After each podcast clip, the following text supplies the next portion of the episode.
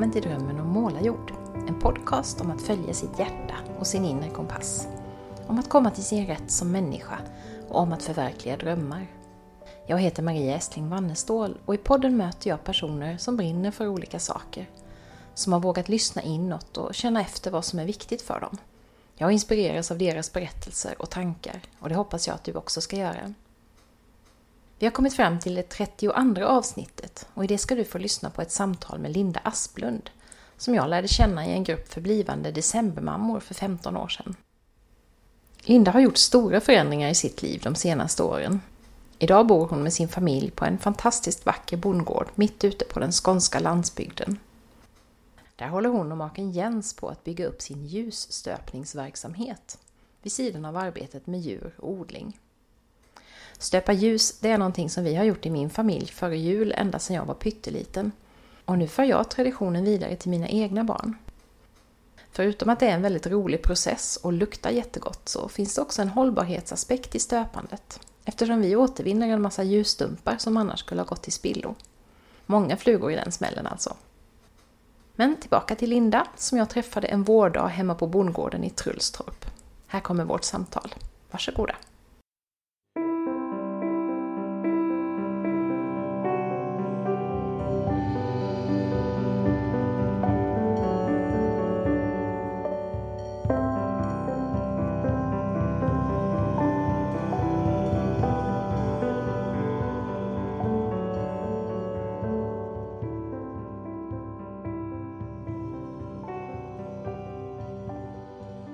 Du Linda, Ja. du är ju mycket.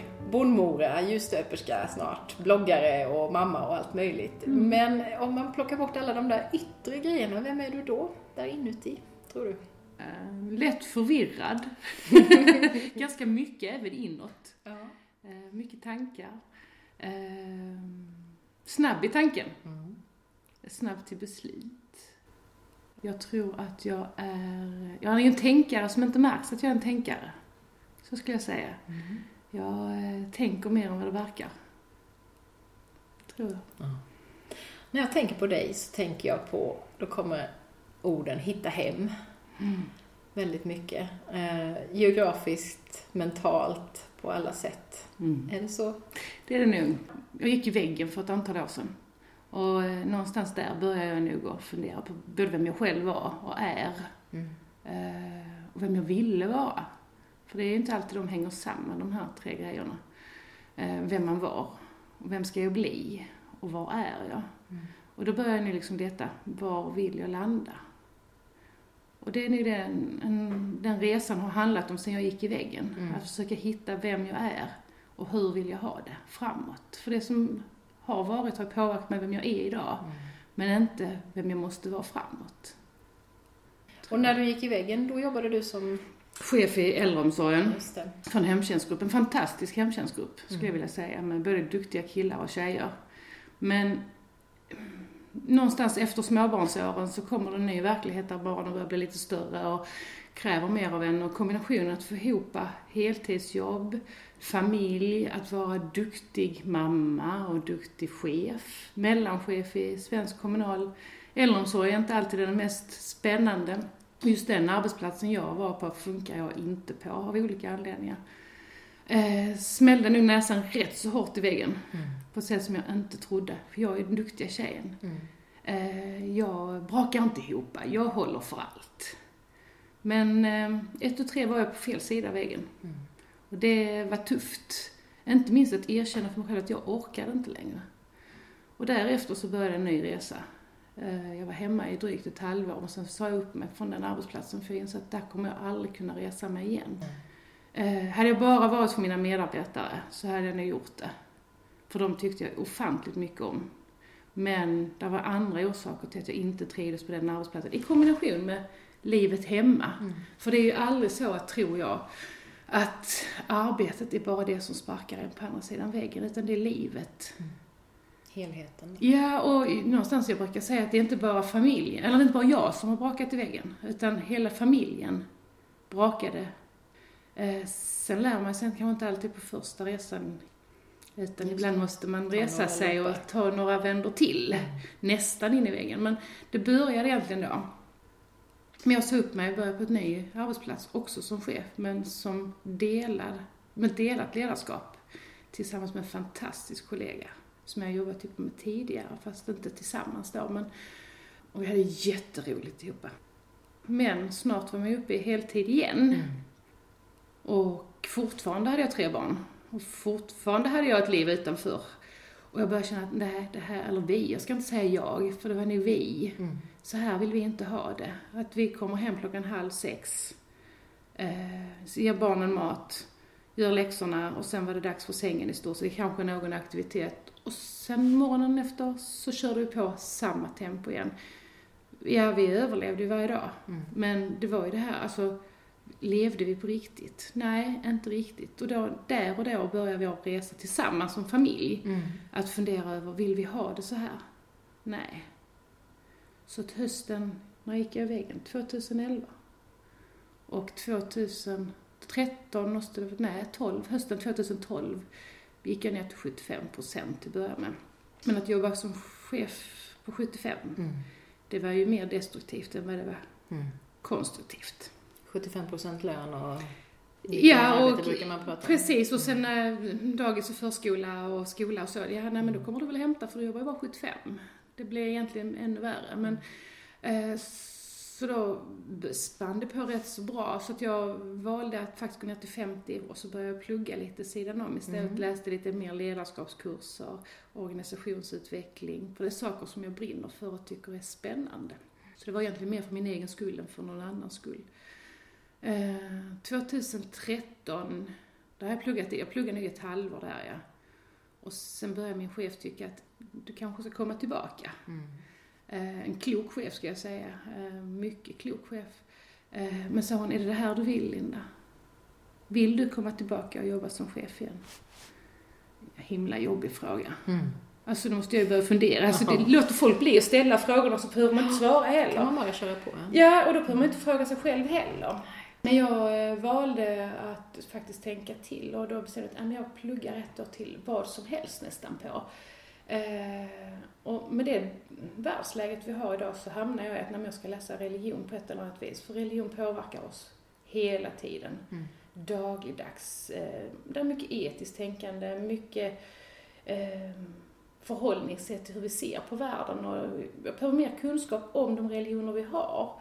Så jag började läsa teologi och det var oerhört spännande, men det var inte jag. Nej. Det kan jag konstatera. Men det fick mig att hoppa av och det fick mig att säga upp mig. Mm. Och det var nyttigt.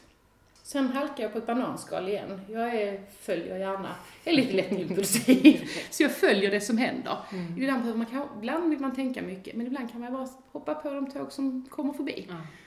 Eh, Fick en fråga om jag kunde vicka en vecka som SO-lärare i en årskurs 6 på mina, ett av mina barns skolor. Och det gjorde jag. Och det var nog det roligaste jag har gjort någonsin. Eh, Att jobba på skola som vikarie är eh, lyxigt. Mm. För då behöver du inte ge dig in i allt. Jag behöver inte ge mig in i Kringjobb. inget Nej. kringjobb. Alltså jag kan säga så här, jag har alltid beundrat lärarkåren. Men efter att ha varit på skolan i en vecka eller två så inser jag att oj vad jag vet lite om lärarkåren. Mm. Oj vad de gör mycket mer än vad jag ens en gång hade förstått som förälder. Jättenyttigt. Alla föräldrar borde få vikariera på en högstadieskola eller en mellanstadieskola eller vilken skola som helst för att få en förståelse för vad våra pedagoger gör för våra barn. Eh, Men jag skulle bara vara där en vecka, 14 dagar kanske. Sen var jag nu där ett och ett halvt år som Ja. springvikarie. Eh, outbildad sådan, men oj vad roligt jag har haft. Och oj vad dessa ungdomar har lärt mig. Mm. Det är nu det, alltså, jag kan nu säga att det är nu det allra roligaste jobb jag har gjort. Eh, att få jobba med tonåringar är skithäftigt. De små barnen är jättecharmiga.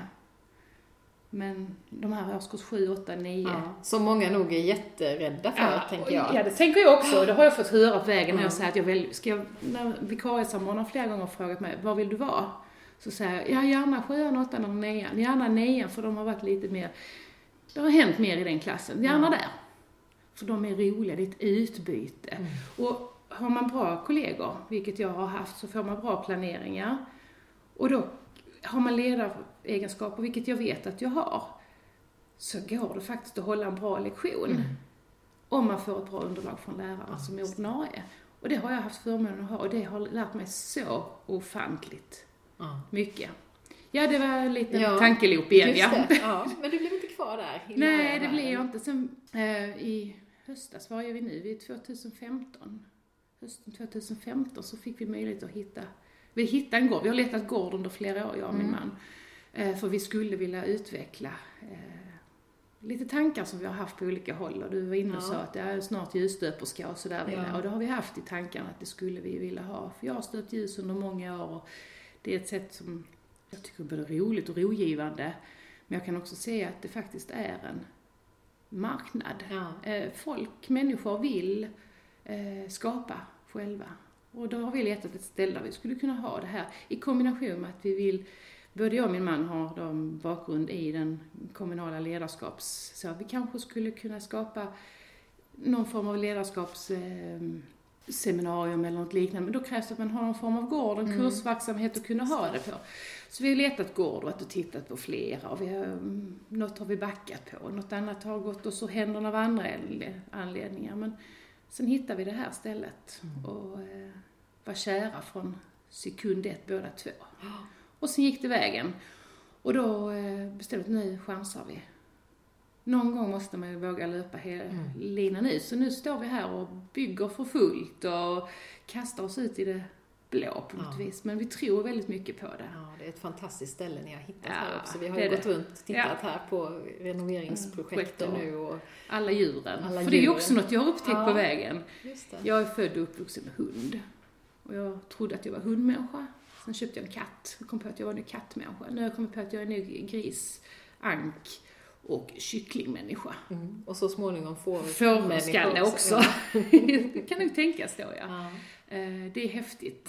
Eh, Och jag tycker det är roligt. Dessutom, jag, den bästa morgnarna, det är när jag får gå upp och släppa iväg barnen till skolan. Jag kan vara med dem på morgonen på frukosten. Jag behöver inte känna att jag ska sätta mig i en bil. Dessutom har målat på ett ansikte, kammat håret. Och sen tar jag på mina gummistövlar och sen går jag ut till djuren. Och så kan jag ta den timmen där med dem. För tanken med våra djur är då att vi ska kunna ha ett självhushåll med dem. Att vi ska kunna livnära oss på både djursidan, köttsidan, men även på grönsakssidan med odlingar och så. Som en parallell verksamhet till Mm. ljusstöperiet. Och den stunden på morgonen, även om jag vet att jag så småningom faktiskt rent krasst tänker äta upp en av mina grisar, så är den stunden med grisarna på morgonen så fantastiskt, både rogivande och rolig. Mm. Om människor visste hur roliga djur som grisar, ankor och höns kan vara, så hade inte folk gjort något annat än åkt till gård och hälsat på. Och det är något som jag tycker är jättehäftigt. Och det är också en tanke med gården, att vi ska kunna ha studiebesök ifrån olika former av verksamheter. För några veckor sedan så hade vi eh, en anhörig till mig jobbar som eh, mentalskötare, eh, det heter någonting annat numera, det heter så, Ja. omsorgspedagog tror Ja, jag det kanske kan heta, på ett Mycket gruppboende. finare. Ja, precis. För vuxna. Och då var hon här med tre av sina adepter och hälsade på. Mm. Och tittade på djuren och vi fikade och eh, för vissa av de här adepterna så är fikan det viktigaste, för andra var det jättespännande att få komma till landet. Och där kan jag känna en dröm att, åh, tänk om vi kunde ha fler gruppbostäder Mm. som kanske kunde komma ut här och titta på djuren och fika och mysa och de som kan kanske kunde få stöpa några ljus. Mm. Eh, Ja, man vi har pratat om att man kanske skulle kunna ha det som daglig verksamhet Mm. för en eller två personer. Ja. Ja, det finns ju bara möjligheter. Det viktiga för oss båda två, både för mig och min man, är att vi kan jobba med människor Mm. och för människor. Och att det ska vara för alla sinnen. Mm. Eh, mat ifrån gården eh, till samtal som är goda. Mm. För det är det som utvecklar både oss och förhoppningsvis andra. Mm. Just det. Och nu håller ni på för fullt och eh, renoverar Ja. ljusstöpningslokalen. Ja, så då har ni tänkt att ni ska ha kurser där och Ja. också stöpa ljus och, Och sälja. Precis. Eh, främst kurser. Ja. Eh, tre dagar i veckan är tanken. Mm. Eh, för grupper upp till tio personer. Eh, I dagsläget så har vi inte fått tillstånd från kommunen och gud vet och haver som man måste ha för att lov att servera mat. Mm. Men det jobbar vi på parallellt. Ja. Men det är en tanke att vi så småningom ska kunna servera lunch och så vidare. Nu bjuder vi bara fika Mm. och eftermiddagsfika och lite tilltugg på vägen. Men sen kan vi alltid se till att ordna så att man kan få mat och Mm. så här vidare. För det är ju en form av upplevelse. Att åka på kurs med kanske sina närmaste väninnor eller släktingar eller eh, så. Eh, Företag också tänker Ja. jag kan vara en lite teambuilding Precis. Eh. Ja, och det är också grejer som vi båda två har jobbat i kommunal verksamhet och Mm. har varit på otaliga dagkonferenser. Det här är ett sätt att man kan ha en dagkonferens för man kan prata medan man står och stöper. Mm. Våra kurser är mellan 9 och 4 ungefär, eller mellan 10 och 5. Då har man sju timmar på sig och man kan prata ofantligt Ja. mycket. Så måste man inte stå och anteckna hela tiden. Så är det här ett jättebra sätt att ha en konferens det. på. För Det är lite som det här man pratar om ibland med walk and talk till exempel. Att när man inte Precis. behöver stå, sitta mitt Nej, emot det föder ett kreativt tänkande och Ja. sen är det alltså i stöpprocessen så behöver ljusen vila med jämna mellanrum. Vilket Mm. gör att, ja då har man en kvart, 20 minuter, en halvtimme där det. man tar en god fika, sitter ner, låter ljusen vila. Ja, då kan man ju anteckna där under tiden om man nu som företag skulle vilja göra någonting helt Mm. annorlunda. Eller så gör man en kortare kurs. Tanken är ju att vi ska ha så småningom möjligheter till en badtunna, Mm. bastumöjlighet. Eh, Den här gården har ju ofantliga möjligheter. Mm. Här är 300 kvadrat ungefär i hus med källare och så. Sen har vi 750 meter ekonomibyggnader varav Ja. förvisso stöperiet blir en 100 kvadrat. Men det, där är ju möjligheter Ja. överallt. Ja, där är inte någon ende som begränsar oss. Vi har en jordkällare från, ja vi vet inte riktigt hur gammal den är, men den är otroligt fin. Det är inget som säger att man inte kan sitta där och dricka ett glas vin efter man har tagit en eh, dopp i badtunnan och så det kan bli en sån här helhetsupplevelse. Ja, och det är ju så vi har valt att döpa vårt eh, företag just till Trullstorp upplevelser. Mm. Att du ska kunna uppleva alla sinnena. Mm. Eh, Min man har ett otroligt stort Ja, matlagningsintresse. vi har ätit en fantastiskt god lunch här. Jag vill säga tack så mycket till Jens. Ja, tack, Jens. Eh, mitt dilemma med Jens är ju då att han lagar fantastisk mat alla dagar i veckan. För Ja. jag lagar ingen mat. Eller jo, det gör jag. Mina barn kommer skratta nu och säga att men mamma, du kan ju faktiskt lite grann. Du kan ju bränna makaroner. Och ja, det kan jag. Nej, jag kan lite grann. Men han lagar ju nästan till all mat. Mm. Och det är ju ett sätt att vi kanske kan utveckla den sidan. Ja. Eh, för det är också en upplevelse. Visst. Mat eh, är ju en upplevelse både för gummen men även för sinnet. Och sen också att maten då kommer härifrån. Härifrån är ju tanken. Vi har även goda vänner. Eh, Lyckeröd lantgård heter de. De ligger, om man kör mot Helsingborg kan man väl säga, Mm. härifrån.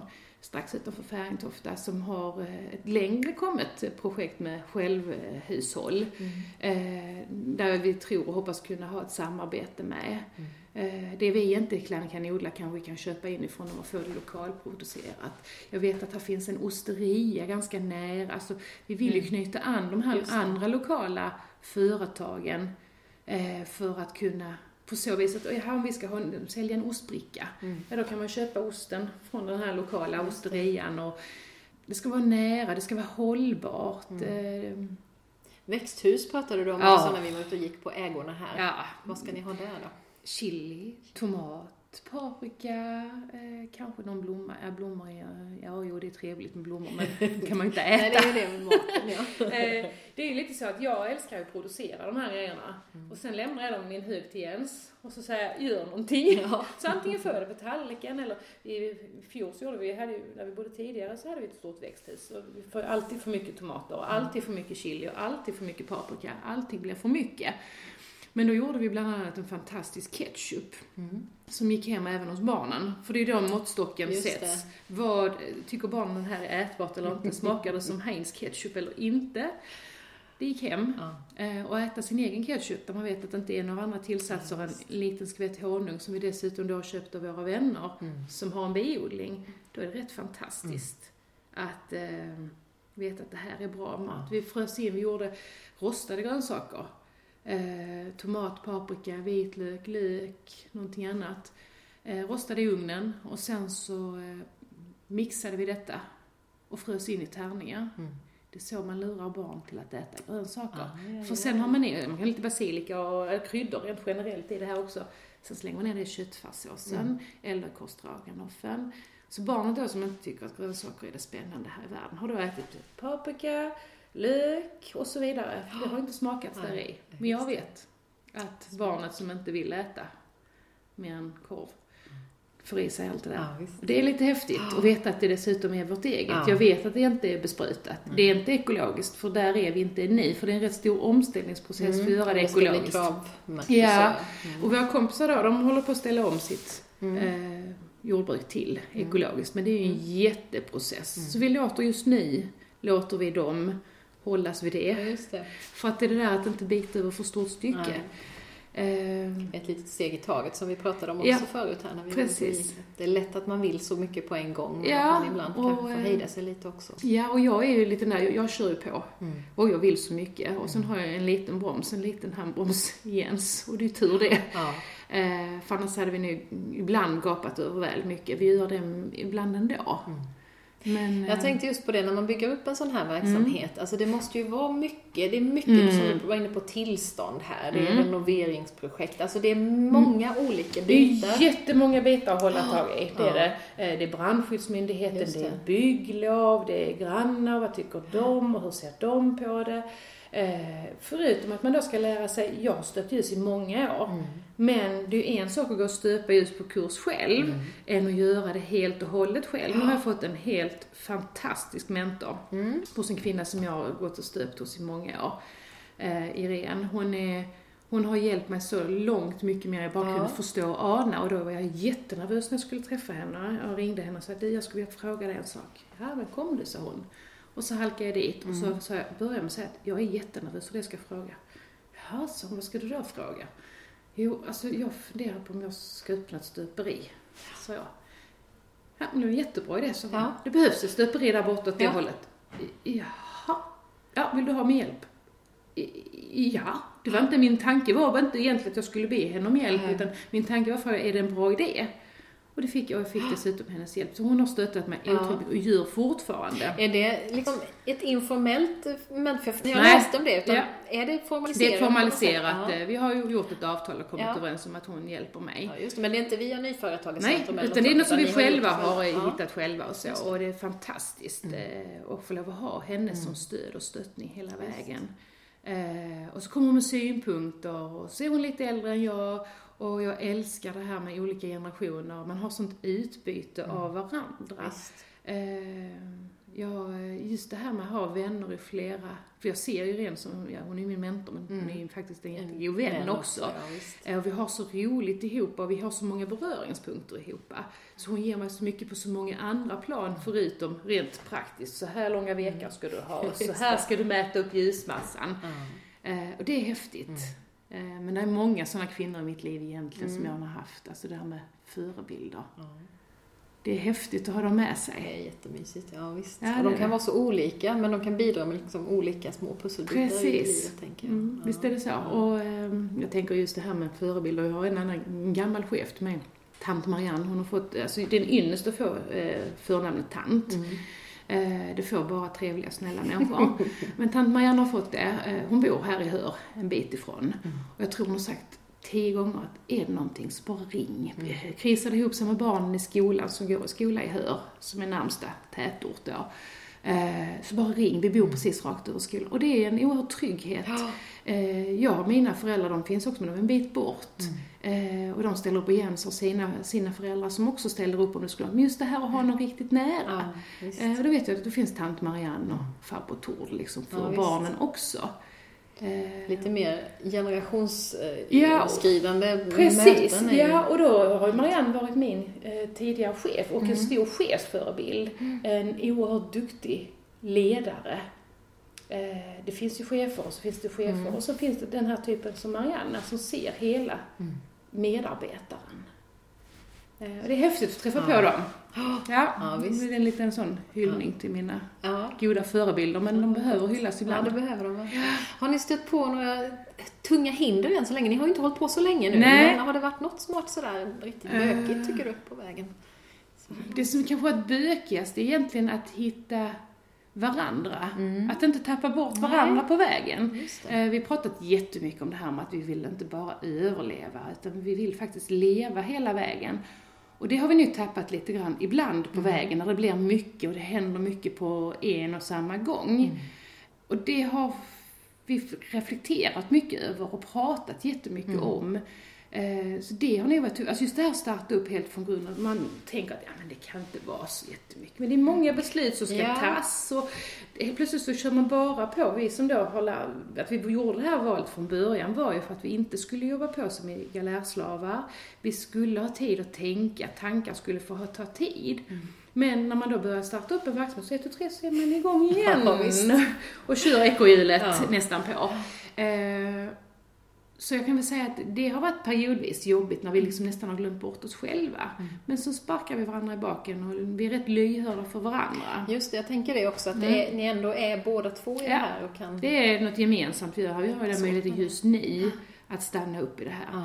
Men att eh, få... Eh, och ibland få lov att faktiskt, alltså som, som företagare, egenföretagare så jobbar man ju man jobbar kanske inte sju timmar om dagen, åtta timmar om dagen, måndag till fredag. Men jag kanske jobbar fyra timmar varje morgon och sen jobbar jag kanske ingenting mitt på dagen och sen jobbar jag kanske sex timmar på kvällen Mm. när barnen har gått och lagt sig eller hur det nu är. Men framförallt så jobbar man kanske alla dagar i veckan Mm. istället men utspritt på ett annat vis. Eh, och ibland behöver man då känna att det är okej att faktiskt bara stanna upp och göra ingenting. Det är också en fara det där med när man startar upp Ja, ett företag. Det är klart, och det, ni bor här, ni, Ja, mitt i verksamheten, ni är Precis. här båda två. Det är Ja. väldigt lätt att jobba jämt. Ja, men så är det ju. Eh, och sen är det svårt ibland att bestämma sig för vad är jobb Ja. och vad är roligt och Mm. vad, vad är nöjen. Mm. Eh, ibland går de ju faktiskt hand i hand. Eh, när jag går ut i stallet så ser jag ju inte det som jobb. Jag tycker det är, det är min tid för nästa meditation, att gå ut Ja. i stallet och hålla på med djuren och vara där, är- alltså mocka ur stallet, det är bland det roligaste som finns. Tre timmars slitgöra, jag är helt färdig och svettig efteråt. Men det är faktiskt det som, det är ju jobb det också eftersom det leder till vårt självhushåll. Och vi, tanken är ju också att vi så småningom ska kunna sälja det kött som blir, till exempel blir överskott och ägg och så här vidare. Men då är det ju jobb. Men det har jag ibland svårt att ta till mig själv, för jag kan ju se det som ett nöje. Att stå där och mocka skit, eller svära över grisarna när de häller ut 50 liter vatten Ja. för tredje dagen i rad. Och jag får fixa översvämningar. Ja, sen finns det ju de dagarna, det visar ju då på min impulsivitet ibland, det är att då sätter jag på vattnet på morgonen, jag ska fylla tunnan och sen kom det något annat litet flygande emellan och sen går jag in och sen kommer min man ut på kvällen för att ge grisarna mat och upptäcker att då har det runnit vatten hela dagen. Ja. Just Ja. Impulskontrollen. Ja, den är inte så bra ibland. Det kommer något annat emellan. Ja, och det, mm, Ja. Men eh, ja. ehm, Nej, men jag, jag tänkte på det när, jag gick i väggen också då Mm. för, för ganska många år sedan. Då ett tag var det väldigt viktigt för mig att sätta sådana här tydliga ramar och gränser mellan jobb och fritid Mm. Ja. under en period. Ja. Idag behöver jag inte det Nej. alls lika för jag har lärt känna mig själv och Mm. jag kan också precis som du jobba timmar, Ja. vara ledig med barnen på eftermiddagen, sätta mig och jobba igen på kvällen och det flyter och det gör ingenting. Nej. Men det tror jag är, alltså det har kommit med åren. Jag Mm. hade inte klarat att hålla, fortsätta så som jag gjorde då, för då behövde jag på något vis bryta med det Ja, där det- flytande och... Och det, det, jag kan säga så här att jag tycker det är lättare nu som egen. Mm. Det tycker jag nog ändå. Eftersom jag, eh, när man jobbar som anställd, då vill jag ju hela tiden visa någon annan Ja, att just jag var bra, att jag dög. Eh, nu ska jag visa det för mig själv. Mm. Och det är en rätt skön känsla, eh, när man tycker om sig själv. Mm. Ja, men jag är rätt så bra. Ja. Idag har jag faktiskt eh, helt tvättat stallet fast jag spolar ut 5000 liter vatten. Man får ju försöka hitta, alltså de grejerna, att klappa sig själv på axeln, Mm. det är inte det att man gör, framförallt inte som svensk. Man talar inte om att man är duktig, men jag tycker faktiskt att vi är rätt så duktiga Mm. eh, här. Mm. Och hitta en nöjdhet i det. Eh, som anställd jagar man hela tiden någon annans bekräftelse på ja, att visst. man är bra. Och jag tror att, lite grann det här med att jag var inne på att jag tyckte det var så roligt att jobba på skolan. Mm. Eh, jag kände inte att jag gjorde det för ledningens skull, jag kände inte att jag gjorde det för min chefs skull, eller för organisationen. Jag var där för ungarnas Mm. skull. Det var dem jag fick bekräftelse. Jag tror det var därför jag trivdes så bra Ja. på skolan, för att man fick bekräftelsen direkt av barnen. Mm. Även om det var också någon annan, men det var ändå den nära. Ja, just det. Till skillnad från chefskapet, ledarskap, där får man ju också en form av bekräftelse. Men inte alls på samma Nej. vis. Det är lite svårt att, ja, ja. eh, och det är samma när man nu jobbar med sig själv Mm. och för sig själv. Att hitta eh, sätt att bekräfta sig själv, Mm. men även ifrån andra. För bekräftelse behöver ju alla Mm. människor. Eh, man behöver höra att man är duktig, att man är bra och att man duger. Men det gäller också att lyssna på det. Och det gjorde, när, jag, när jag gick i väggen kan jag säga att då lyssnar jag inte på några andra som till mig, men du, du är bra nog. Du gör ett bra jobb. Du duger. Det kan jag ju känna idag. Men det är ju en resa som jag har gjort under de här fem åren sedan jag brakade med näsan in i väggen här. Men jag har lärt mig att ja, men jag är faktiskt bra som jag är. Jag är duktig på vissa saker. Andra saker är jag inte fullt lika duktig på, men det kan ju någon annan få lov att göra. Eh, Jens är jätteduktig på väldigt många saker som jag, jag tror vi kompletterar varandra bra. Ja, just det. För det är också det där att Ja. hitta sina roller. och- Ja, och acceptera det. Eh, Det är som jag, jag skrattar, vi ser det som ett skämt här att jag inte lagar någon mat. Men jag tycker inte det är roligt. Nej. Och han älskar det. Ja, Varför visst. ska jag då laga mat för att det traditionellt sett är så? Det, här kör vi någon annan variant. eh, nej men jag är bra på mycket annat. Jag är jätteduktig på att koppla sladdar och eh, byta vinterhjul om det behövs och sådär just det. vidare. Eh, fixa stallet och, och så. Eh, och då tror jag det är viktigt att våga fånga varandras likheter men även olikheter och glädjas i dem. Ja. Sen trivs vi oerhört bra ihop. Vi, alltså, annars hade vi inte funkat att jobba Nej, ihop. för det är klart att det är ju... För det är ju Man klart är det är påfrestande ja. ibland. Ibland skulle jag ju kunna tycka att, nej men herregud, tänk om man kunde få en arbetskollega, någon annan än honom.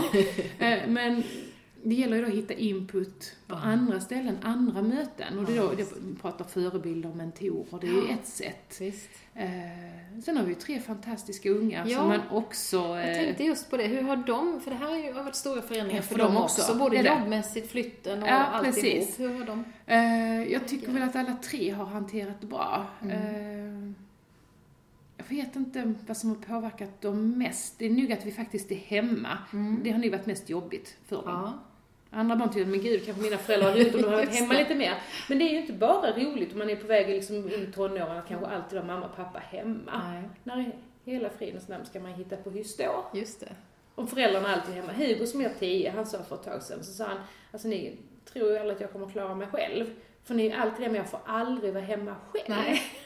Nej, och har, alltså när tjejerna var lika gamla så är det klart att de var hemma själv. Men eftermiddag åkte de hem istället för att gå på fritids i tioårsåldern. Var hemma en eftermiddag ett par timmar. Det får ju inte han, för vi jobbar här hemma, så vi är ju här. Eh, Så ibland får vi hitta på ärenden och köra iväg. Men sen tror jag också att de ser att de har föräldrar som är gladare. Eh, jag tror att de känner att de har föräldrar som är mer närvarande. Eh, sen tror jag också tyvärr, och det är en nackdel med att ha föräldrar som är hemma, att de ibland tar oss också mer för givna. Ja, för nu finns ni här. Nu är vi här och då ska vi finnas där för dem. Det. Eh, och det är inte alltid så. De, känner de sig delaktiga, delaktiga i verksamheten tror du? Eller, hur upplever du Nej, det? inte just och nu allt? tror jag. Alltså just nu är det mest bygge och det är så stort fortfarande. De stora grejerna som håller på att falla på plats, det är stöpmaskiner och det är eh, bygget och det fly, ska, vad heter spacklas golv, höll jag på att spacklas, gjutas golv heter det. Eh, det är stora brädor, det är stora maskiner och han får inte lov att vara där och så. Men eh, där kommer ju snart, eh, när vi kommer in att börja, ska börja stöpa, då är det en möjlighet och då har vi ju sagt att för flickorna skulle det, de har redan varit delaktiga, de knyter knutar. Ja.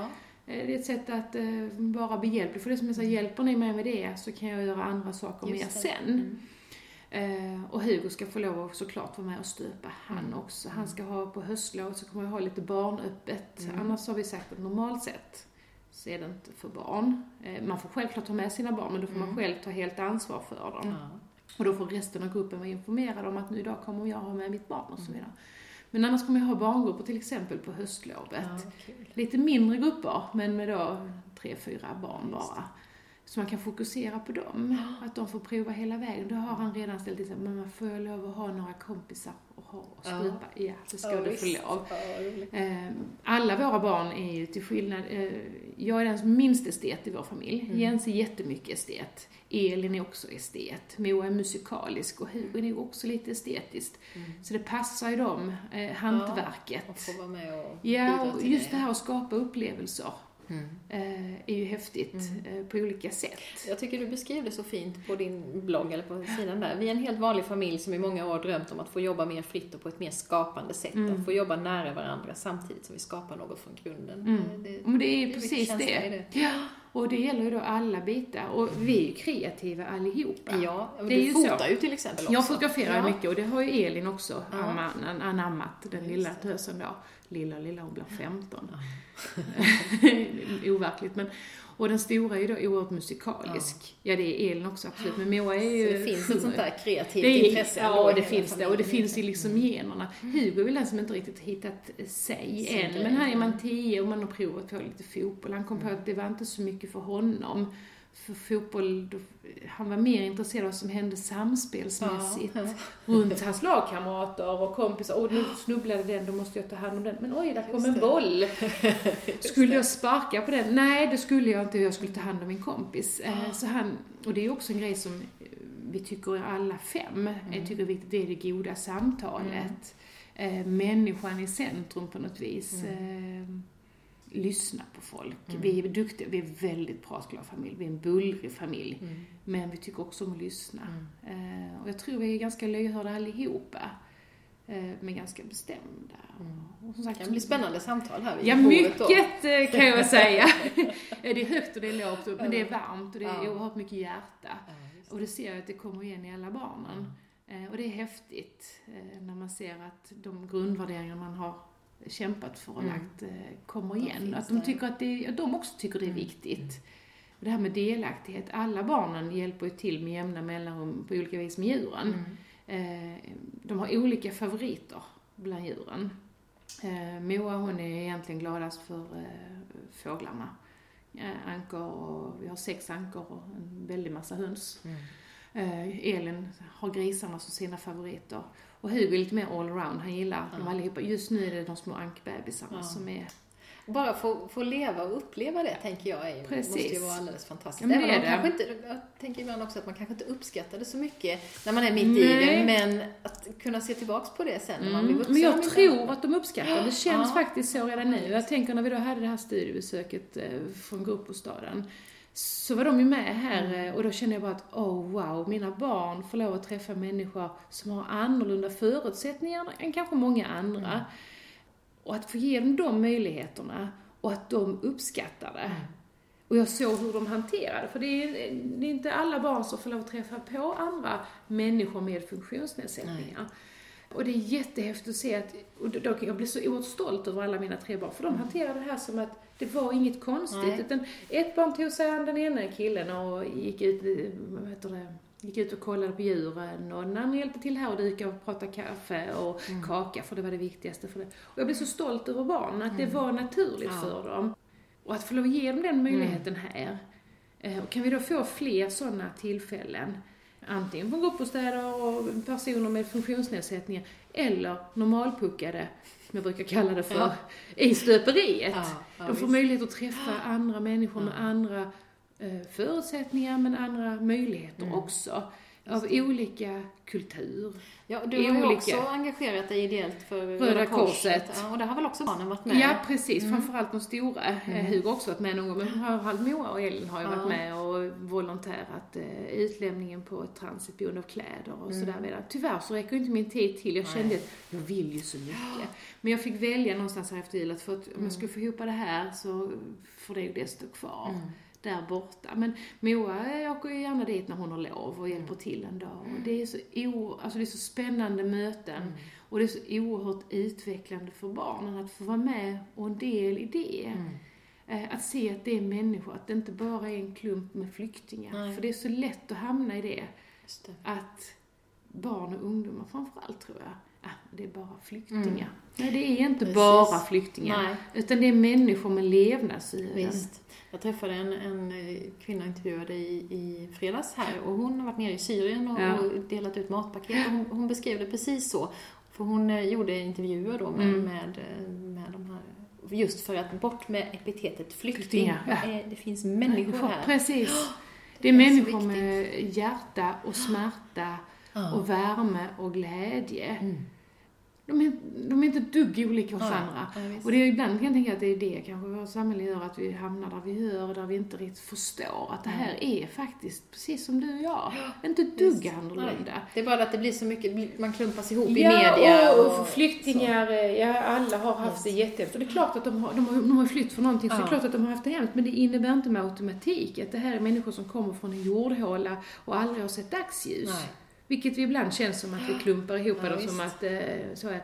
Det här är ju en del är högutbildade, andra Mm. är inte det. Vissa har bättre förutsättningar för att klara sig i Sverige än andra, så Mm. är det. Men om vi inte har plats här i detta jätteland, Mm. där vi dessutom är glesbefolkade, Ja, visst. Och behöver en massa arbetskraft kraft. i form av Precis, lärare jag och läkare. ja, så. jag såg sjuksköterskor senast, bara Ja. Region Skåne Ja, saknar visst. 6000 läkare Ja. om några år. Eller inte läkare, sjuksköterskor. Ja, visst. Just det. Pratade med en väninna igår om just det här att eh, det är ständig brist på sjuksköterskor. Mm. Och, och att då säga nej tack till Nej, människor som kommer hit, eh, Det är det, så det, är skrämmande. Ja.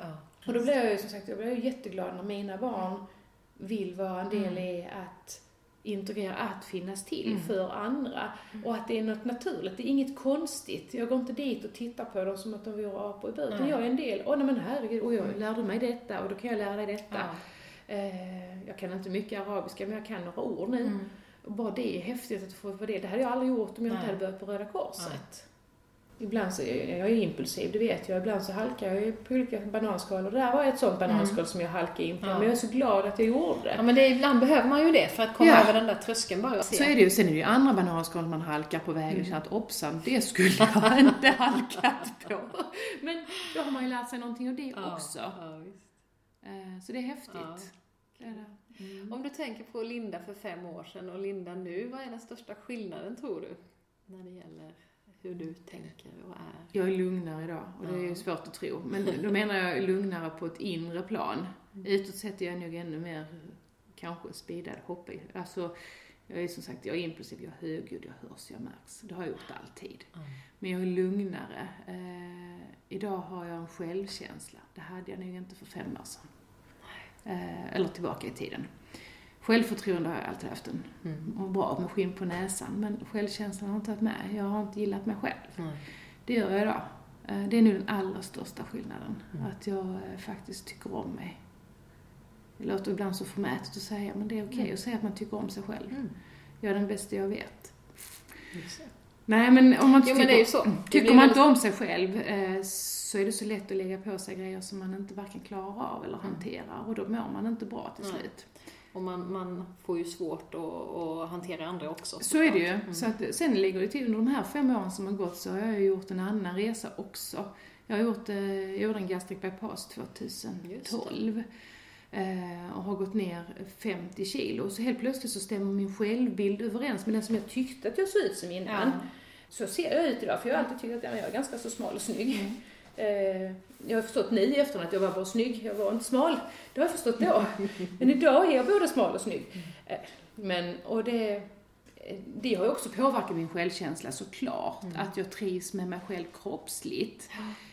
Men det är sekundärt skulle jag vilja säga också. Mm. För jag tror, och det tror jag att om man frågar de flesta andra så tror jag inte att de säger att "Nej, men, oj vad du har ändrat dig Mm. genom att gå ner i vikt.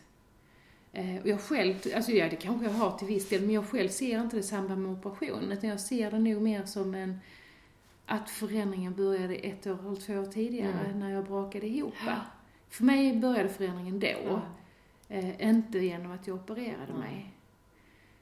Så det här som var en tung och jobbig erfarenhet är Mm. egentligen det som har Det fått har ditt liv att bli så bra som det är Så just är det. Mm.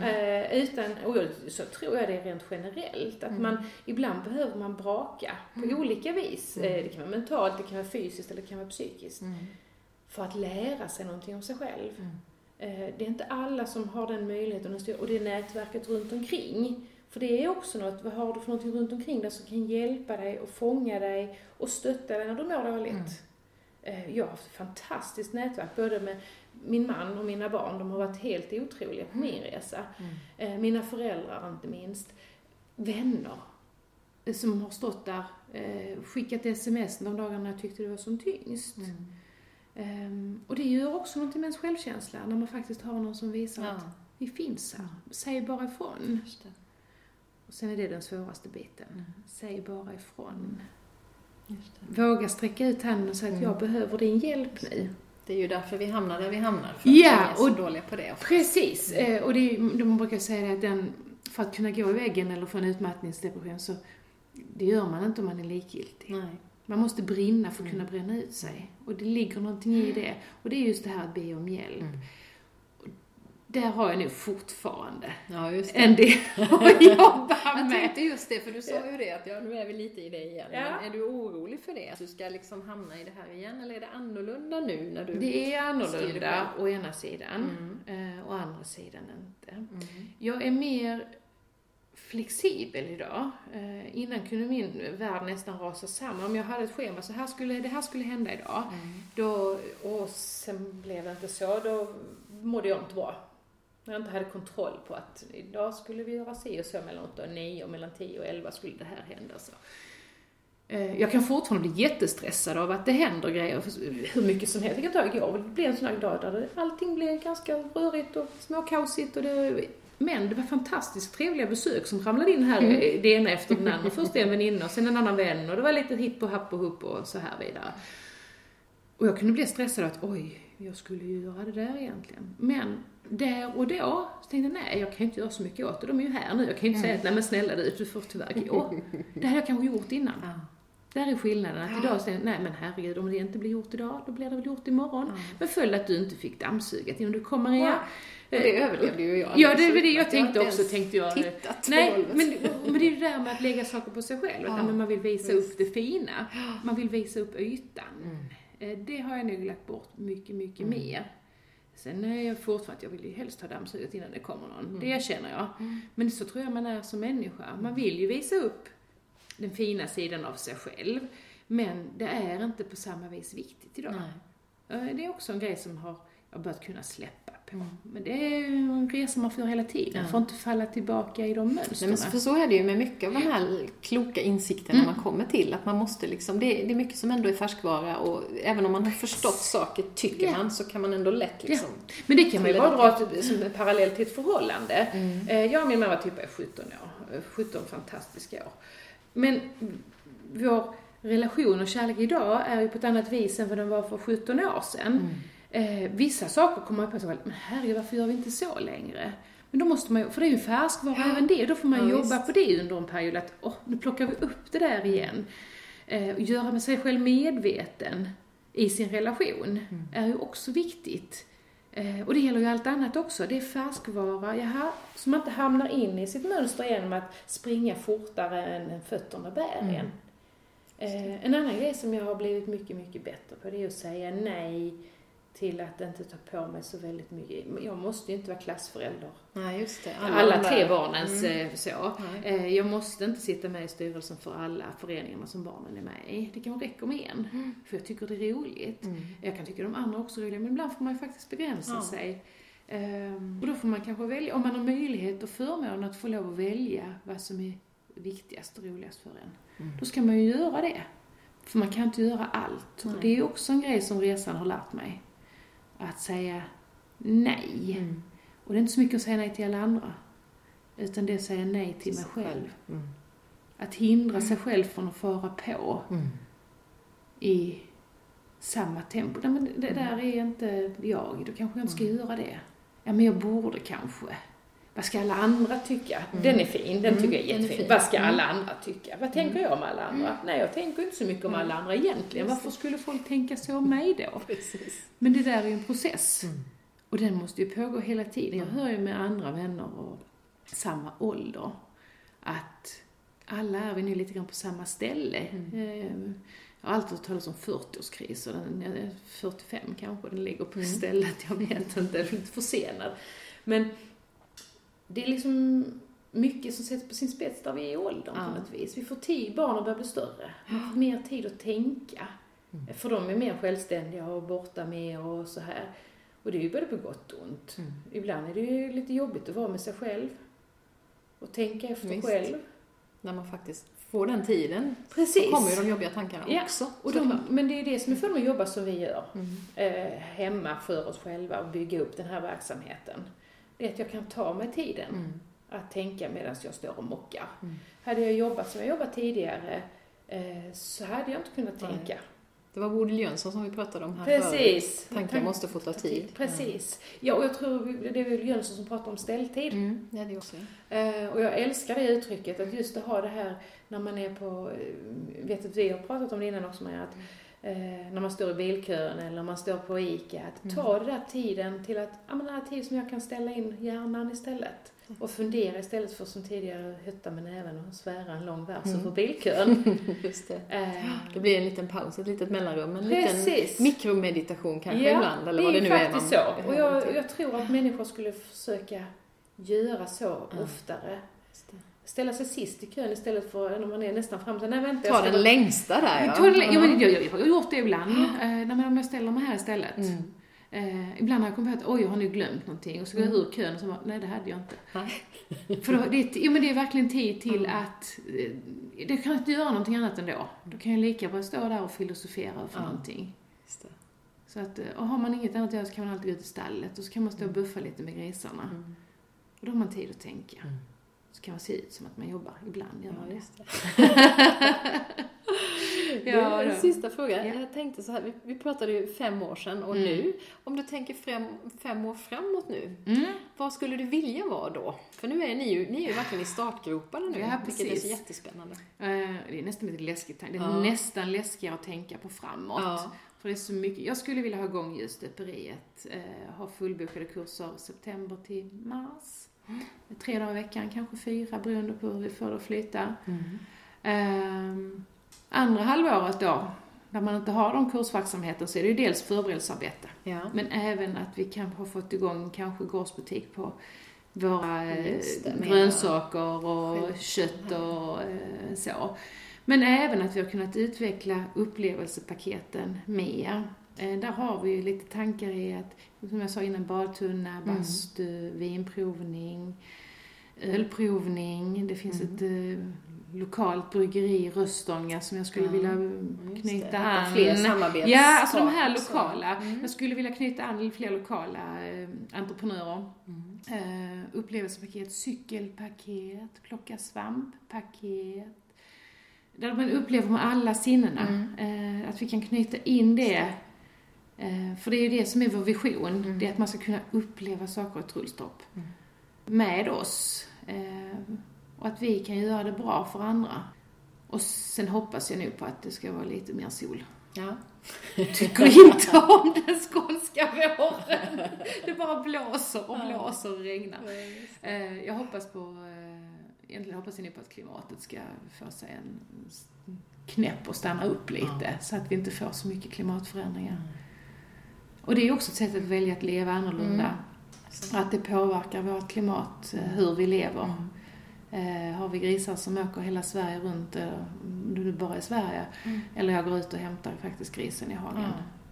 Glada grisar är glad mat, Mm. tänker jag. Eller tänker vi, ska jag väl säga. Men eh, nej, jag hoppas på att vi har fått igång vårt självhushåll Mm. så att vi är självförsörjande på grönsaker, kött. Och att Ljusdöperiet har fått en glad kundkrets Mm. som vill komma igen. Just det. Eh, och sen är det ju massa grejer runt omkring Mm. som jag också skulle vilja, men men det Men andra... att ta lite sådär idéer som får förverkliga sig lite Efterhand. undan för undan. Eh, Ja, och vi försöker hela tiden lova oss, jag och Jens, att vi inte ska köra på mer än ett projekt i taget. Nej. Det går sådär.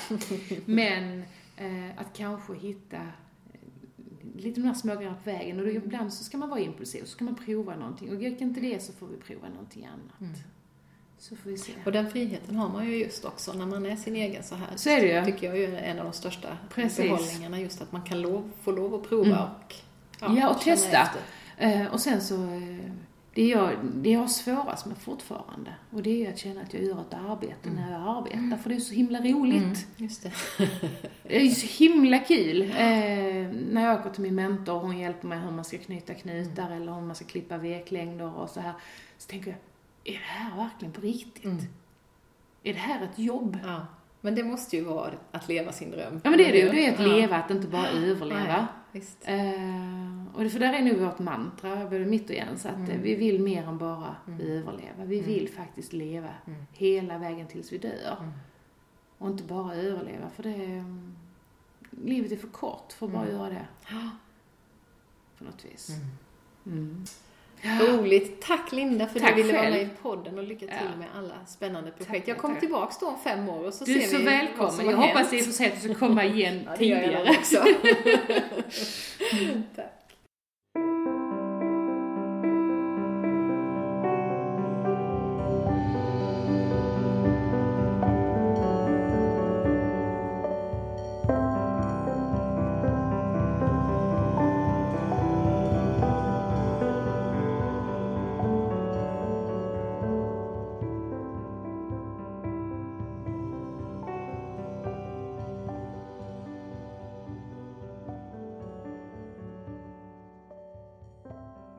Var alltså Linda Asplund och du kan läsa mer om hennes och maken Jens verksamhet på www.trullstorpsupplevelser.se. Där finns också vackra foton från gården, djuren och stöperiet att njuta av. Linda berättade ju om sin stöpmentor och det här med mentorskap tror jag så mycket på. Såväl i yrkesmässiga sammanhang som i privatlivet. Jag minns till exempel hur stor glädje jag hade av en äldre kollega när jag var ny som lärare. Under mina år på universitetet blev jag ibland lite informell mentor till några doktorandkollegor. Och de senaste åren har jag fungerat som egenföretagarmentor via Almi. För några år sedan testade jag och några vänner en alldeles speciell form av mentorskap då vi bjöd in människor som vi var nyfikna på till lunch och så fick de berätta just om sina egna livsresor. Jag lärde mig mycket av de där samtalen och flera av personerna har blivit lite informella mentorer i efterhand. Det här med att ha någon som vill dela med sig av sin kunskap, ge inspiration, fungera som ett bollplank eller utmana till reflektion. Det tror jag alla människor kan ha nytta av. I synnerhet om man är på väg att göra en stor livsförändring av något slag. Kanske byta riktning och förverkliga en gammal dröm. Att då ha någon som har gått igenom det där man själv är mitt i, det är inte dumt. Det fina med mentorskapet är också att det ofta ger mycket till båda parter, även mentorn, som får tillfälle att reflektera över sin egen livsresa. Överhuvudtaget så önskar jag att vi vore lite mindre ålderssegregerade, kunde mötas mer över generationsgränserna. Linda är också inne på detta och jag har tänkt mycket på det nu när jag har suttit och jobbat med översättningen av boken The Joy of Caring for Children. Boken handlar om relationer mellan barn och vuxna och författaren, Medicine Story, vars fru Elika Lindén du får möta här i podden snart, han ger exempel på egna erfarenheter av att leva i bygemenskaper där olika generationer bor tillsammans och ansvaret för barnen delas av vuxna i alla åldrar, inte bara barnens egna föräldrar. Medicine Story använder begreppet the circle way om det här sättet att leva, med barnen, samtalet och lyssnandet i fokus. Och med en stor respekt för planeten och för andra människor. The Circle Way tilltalar mig väldigt mycket och i sommar har jag grubblat en hel del på hur livet hade sett ut om mina barn hade fått växa upp mer så. Det goda samtalet och lyssnandet som Linda också pratar om försöker jag i alla fall så mycket det går att använda i min familj mitt i vardagen. Vi kör ganska ofta samtalsrunder där en person i taget talar, som i de nordamerikanska ursprungsbefolkningarnas klanrunder. Något annat som jag fångade upp i samtalet med Linda är det här med att ta sig ur ett destruktivt mönster, som vi båda har gjort efter våra möten med väggen. Och att det kan vara lätt att halka tillbaka ner i diket igen. Linda beskriver hur hon ibland känt att hjulen snurrar på lite för fort även i det nya livet. Och jag har i sommar känt av stress och otillräcklighetskänslor för första gången på väldigt länge. Mitt i sommar och semester dessutom, när sånt känns extra olämpligt. Det är så lätt att tro att bara för att man en gång har tagit sig ur något sådär jobbigt och hittat verktyg för att hålla sig på rätt köl så kommer det aldrig att hända igen. Men allt är ju färskvara och man blir liksom aldrig fullärd utan måste fortsätta jobba. En viktig del i den träningen är medvetenhet. Och jag skulle vilja passa på att tipsa om ett fint avsnitt av podden Leva gott där min gäst från Drömmen om Målarjords fjärde avsnitt, Lisa Moreus, pratar med yoga och meditationsläraren Maria Ståhl om just de här sakerna. Jag lägger en länk till avsnittet på webben så kan du klicka dig direkt in till det om du är intresserad. Det var allt för idag. Följ gärna Drömmen om Målarjord på Facebook och Instagram och välkommen tillbaka. Tack så mycket för att du har lyssnat och hejdå!